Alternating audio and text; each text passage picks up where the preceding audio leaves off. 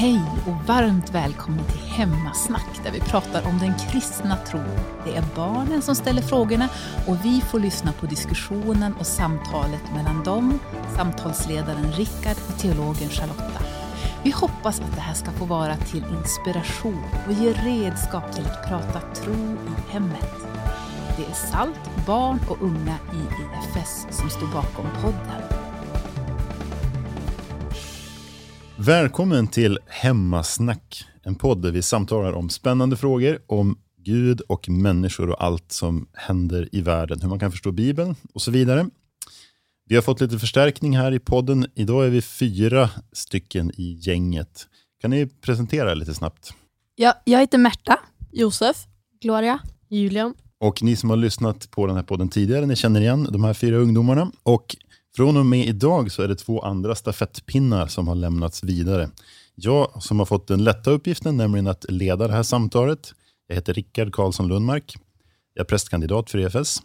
Och sen har vi Charlotta Nordström som fått den lite svårare uppgiften, nämligen att vara vår teolog och berätta om vad kyrkan tror och vad hon själv tror förstås för den delen. Charlotta, kan du berätta lite om dig själv? Yes, eh, ja, men Charlotta Nordström heter jag. Jag bor i Helsingborg och jobbar i Svenska kyrkan i Örkelljunga. Jag tycker att det är superskönt att jag inte behöver vara den som leder samtalet utan bara svara på frågorna. Så jag tror vi är i perfekt position där. Men har jobbat i EFS och SALT i nästan tio år och har också gått här på Lund och studerat teologi. Lite kort om mig själv. Ja, det låter ju precis som vad vi behöver här. Idag har vi fått ett slags litet, en liten kedja av frågor. Det är tre frågor som liksom hänger ihop från, från olika... Först har vi från Nils och hans pappa och den frågan låter så här. Varför heter det nattvard och varför måste man vara döpt för att ta emot nattvarden? Undrar alltså Nils och hans pappa. Är det någon, vet ni varför det heter nattvard? För att den första nattvarden var att Jesus och hans lärjungar åt den på natten kanske? Så att det var en vardag? Var jag vet inte. Just det. ja. Helt vanlig fredagsmys. Eller torsdag var det ju då faktiskt. Vard betyder mat. Då. Kvällsvard. Gammalsvenska. Exakt, så ligger det till. Man vardar på kvällen. Ja, det egentligen kunna heta kvällsmat. Eh, den andra frågan är lite mer intressant. Varför måste man vara döpt för att ta emot nattvarden? Nu frågar jag Charlotta direkt här. Ja, det, det är ju så här att Jesus han då äter lite mat på natten då helt enkelt. Eh, ja, men med sina lärjungar precis innan han dör och så säger han ju då det här är mitt eh, blod och det här är min kropp. Och då har det blivit eh, att de kristna gör den här eh, nattvarden, den här traditionen till Jesu åminnelse. Alltså att man kommer ihåg vad Jesus gjorde för oss. Och då är det en kristen gemenskap. Man brukar säga att det är de, de kristnas måltid. Och vad är då en definition av kristen har man tänkt på i kyrkan? Jo, de har kommit fram till att det är de som är döpta. Det är de som tillhör eh, Guds rike, de som är Guds barn. Så därför är nattvarden för de som är döpta, de som är kristna, de kristnas gemenskap. Men man kan ju inte kolla liksom så att är du döpt? Då får inte du. Alltså präster gör nog lite olika och så här, men vissa brukar så säga det här är de döptas gemenskap. Är du inte döpt eh, så är du välkommen att sitta med men inte ta emot brödet och vinet. Och vissa gör det inte och sådär men ibland när man är om man har man varit på typ något så här barn och ungdomsläger då brukar ofta prästerna så här poängtera att det här är de, för de som är döpta. Typ när jag har mycket konfaläger och så här då vet man att det är flera som inte är döpta. Då brukar vi vänta till alla är döpta innan vi firar nattvard. Men där gör man lite olika och olika olika traditioner och sådär. Jag tänker, ingen av er som har några äldre kompisar eller syskon som har konfirmerat sig? Jag har en kusin. Och vet du hur, det, hur var det där då? Fick han eller hon ta emot nattvarden innan var döpt eller var han döpt kanske redan? Ja, nej jag vet inte. Det brukar ju vara en fråga med, med konfirmander, sådär just som du säger Charlotta.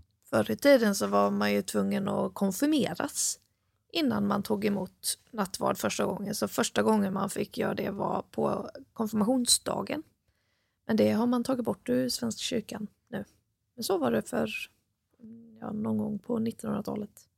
Men hur gör man med så här typ barn som kanske är så här typ sex eller sju som kanske också vill gå fram med sina föräldrar och ta nattvarden. Låter man dem också ta nattvarden då oftast eller? Alltså där är det lite olika. Jag vet att i lite mer så här frikyrkor och så där man har där man brukar ha ett troendedop då, alltså där man döper sig när man är lite äldre. Där brukar man inte heller ha nattvard lika ofta, men då tror jag att de flesta brukar ta emot och sådär. Men i Svenska kyrkan så brukar man säga att om man vill vara med och gå fram så kan man lägga sin hand på, på sitt hjärta, liksom, eller på sin vänstra axel. Och så ber eh, någon en liten bön för en istället. Men alltså, det är inte så att man går och frågar alla, är du döpt, är du döpt? Utan alltså, jag ger till den som kommer fram. Och sen får det vara på deras villkor. Alltså det är inte så att jag tänker att Gud blir arg om någon tar nattvard. Alltså om någon vill ta nattvard så är väl det också ett tecken på att man vill, man vill eh, vara kristen och vill vara med i gemenskapen på något vis. Men jag tror det är bra att ha lite liksom, regler och gränser för hur saker ska gå till så att det inte blir kaos. Alltså i, när Bibeln skrevs så fanns det ju inte sådana här regler. Men då stod det, står det också att det blev kaos eh, i församlingarna. Och att de typ roffade åt sig och det var helt kalabalik och eh, kaos. Så därför har man lite regler och ordningar så att det inte ska vara så kaosartat. Det tycker jag är bra. Sen kan man ibland gå utanför reglerna.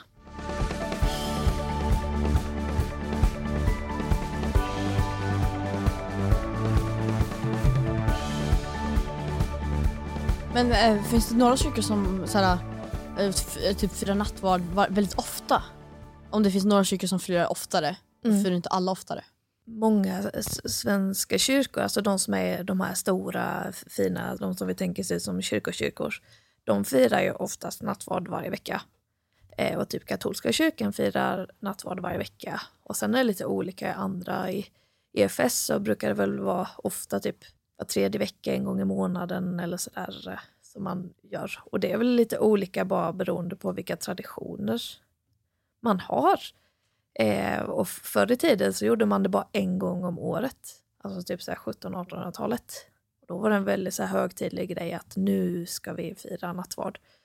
Eh, så det går liksom lite i vågor upp och ner i popularitet av att fira nattvard har varit genom historien. Men i Bibeln så firade de inte nattvard i en sån här lite halväcklig oblatstunnbitsbröd. Utan då hade de, de kallade det för kärleksmåltid. Och så dukade man upp jättemycket mat.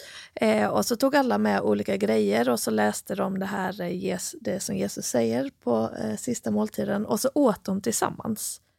Och hade som en fest. Och det var då det ofta blev lite kaosartat. Men då såg nattvarden ut så istället. Så det har skiftat lite hur det ser ut och hur ofta man gör det. Och, så här, och lite från kyrka till kyrka och från tid till tid. Så det finns inget riktigt rätt eller fel utan det är mer tradition. Jag tänker att det, människor försöker ju generellt att förstå liksom, och, och göra rätt. Och det, ibland är det inte alltid jättetydligt hur man gör, så då kan det bli på lite olika sätt. Kan, som du säger, det kan variera mycket. Även i svenskkyrkliga sammanhang förekommer det ju att, på platser att man har daglig mässa. Ja. Eh, och på en del ställen är det jättesällan. Och för en del är det en liten oblat och andra är det en hel, en hel buffé. Liksom. Så firas det också nattvard. Mm.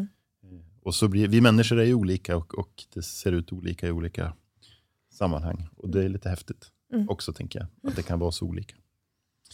Eh, det var en tredje del av just det här med dopet, nu när vi ändå pratar om det, som också var en lyssnarfråga som hade kommit in här från mamma Maria som låter så här. Varför blev Jesus döpt? Och det är en bra fråga, tänker jag. Eh, för vi tänker ju att man får, dopet hjälper oss med olika saker. Men behövde Jesus verkligen döpas? Nu tittar jag på Charlotta här, det ser inte ni som lyssnar, men jag tittar. Det kändes som Märta hade någon liten Hade Märta fråga. något? Ja. Ja, men jag tänker att Jesus kom ut till jorden för att han skulle, ja, men det är liksom för att människor skulle kunna förstå bättre, lättare av någon som var som dem. Som var en människa. Som betedde sig och kände samma sak som dem. Och då kanske för att vara så lik som möjligt människorna så ville han döpas.